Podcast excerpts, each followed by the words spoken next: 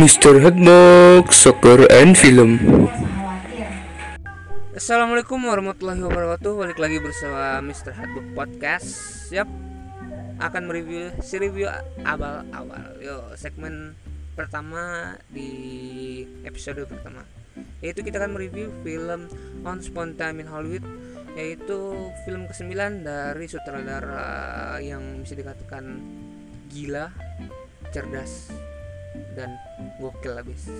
Yaitu siapa lagi kalau bukan Quentin Tarantino. Bercerita tentang Rick Dalton yang diperankan oleh Leonardo DiCaprio di tahun 1969 seorang bintang televisi yang pernah berjaya, berjaya di masanya. Ya bisa dikatakan waktu itu ini uh, yang aslinya ya di saat itu merupakan masa keemasan Hollywood.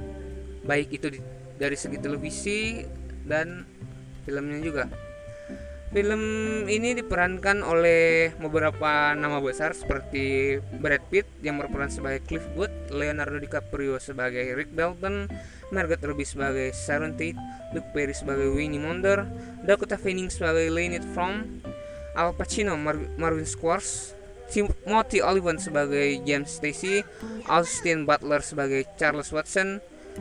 Setelah itu ada Mike Moh sebagai Bruce Lee, dan lain sebagainya. Film ini berdurasi hampir 2 jam 40 menit.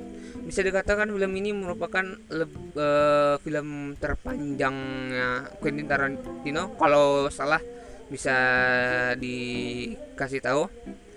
Uh, ini sebenarnya ada beberapa masalah saat memproduksi film ini dari pertama biasanya kalau misalkan Quentin Tarantino itu selalu bekerja sama dengan Harvey Harvey Weinstein yang mempunyai studio Miramax. Namun akibat pelecehan seksual yang dituduhkan kepada Harvey pada tahun 2017 atau dua tahun yang lalu membuat Quentin Tarantino berpindah berpindah studio ke Sony Pictures. Uh, mungkin beberapa pengambilan gambarnya juga agak tersendat dikarenakan masalah Harvey Weinstein yang mempunyai Miramax Studio. Juga ini merupakan kalau teman-teman tahu ini merupakan penampilan terakhir dari Luke Perry yaitu artis artis senior bisa dikatakan seperti itu kalau teman-teman yang tahu itu adalah pemain di serial televisi Beverly Hills dan juga Riverdale. Uh, sebenarnya kalau bisa dikatakan ini merupakan surat cintanya Quentin Tarantino kepada tahu dekade 60-an. Kenapa? Karena ya itu sudah tadi Mister tuh bilang di awal karena merupakan masa keemasannya Hollywood pada zaman itu. Dan juga ini film yang konsep what if yaitu sedikit uh, atau bisa dibilang simpelnya itu alternate history. Merupakan film keduanya dan film pertamanya itu ya adalah Inglourious Bastard yang sama-sama juga diperankan oleh pemeran utamanya Brad Pitt rilis di pertama kali rilis di tahun 20 di tahun 2019 lebih tepatnya di Festival Cannes. Terus di dirilis di Amerika Serikat 26 Juli 2019 terus 27 Agustus 2019 baru rilis di Indonesia. Uh, ini merupakan film yang bisa dikatakan sungguh sangat niat sekali. Kenapa karena penggambaran di masa itu atau di tahun 1960-an tersebut hampir menyerupai bukan bisa dikatakan menyerupai lagi ham, sama sa, bisa dikatakan sama malahan. Uh, dari musiknya mobilnya rumah-rumah yang ada di rumah-rumah yang ada di sekitar wilayah Hollywood. Terus juga mau ngambil beberapa seri-series televisi zaman dulu seperti Miami Vice terus juga terus juga ada Law and County Law and County uh, dan lain sebagainya.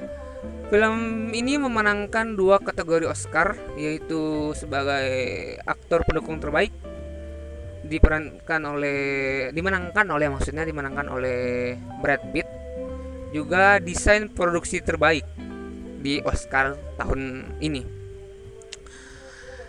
ini gimana ya bilang ya ini lebih gimana ini sebenarnya terbagi menjadi dua kubu ya kalau bisa dikatakan karena dari beberapa review beberapa review di di Indonesia ya beberapa review, review Indonesia terbagi menjadi dua kubu yaitu yang suka banget sama yang benci banget. Kenapa bisa saya bilang seperti itu?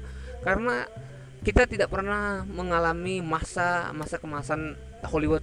Ya mungkin ada beberapa bagian orang tuh nggak relate sama jalan cerita di situ. Dan juga karena efek durasi kepanjangan yaitu 2 jam 40 menit banyak orang-orang yang tertidur di bioskop. Dari beberapa yang saya baca reviewnya ya. Uh, juga nih payoff di biasanya kan kalau film-film Quentin Tarantino itu mempunyai payoff payoff yang bisa dikatakan gila-gila gila-gilaan seperti Django, Django Unchained, Pulp Fiction, terus Inglourious Bastard. Nah, itu biasanya kan selalu ada di awal-awal. Tapi entah kenapa di Unspontaneous Hollywood ini uh, payoffnya itu baru ada di 30 menit terakhir filmnya. Entah mungkin karena mengambil konsep alternate history jadinya seperti itu. Namun ya yang ada di kepik hanya ada di kepikiran seorang Quentin Tarantino lah. Film ini bisa menjadikan surat cinta kepada masa dekade 60-an tersebut. Oke uh, langsung ke reviewnya. Langsung reviewnya. Uh, dari segi plot nih bisa dikatakan plotnya itu uh, seperti hampir The Hateful Eight lebih banyak omongnya daripada aksinya. Be hampir 2 2 jam 30 menit mengambil beberapa cerita seperti cerita dari ceritanya Cliff Booth bagaimana awalnya Cliff Booth bisa bersama Rick Dalton juga Cliffwood yang menemukan anak hippie. Anak hippie kalau teman-teman tahu uh, hippie pada masa itu sangat sangat tren sekali sangat trending sekali di sana.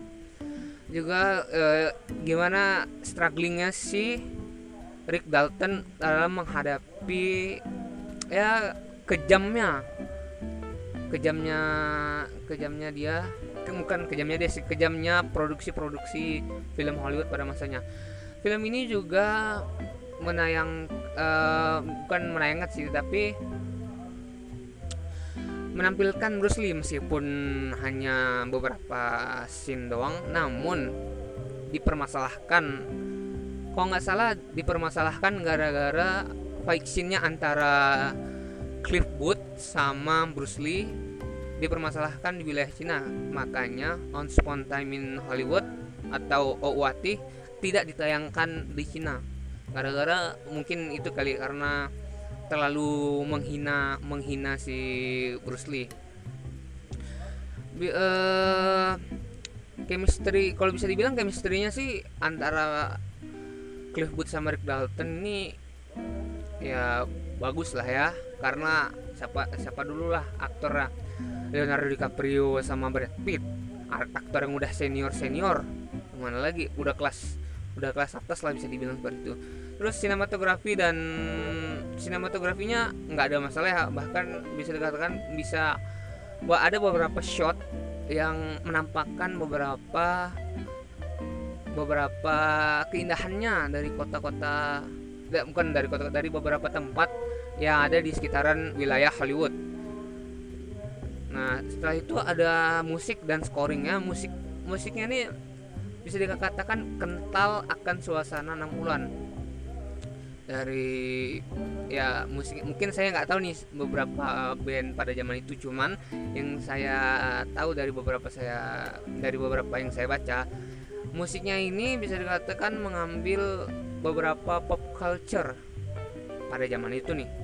Jadi bisa jadi menambah kentalnya suasana 60-an pada masa itu nah setelah itu eh actingnya actingnya nih actingnya para para beberapa pemain pemain juga bisa dikatakan bagus disokong dengan cerita yang gila dan gokil.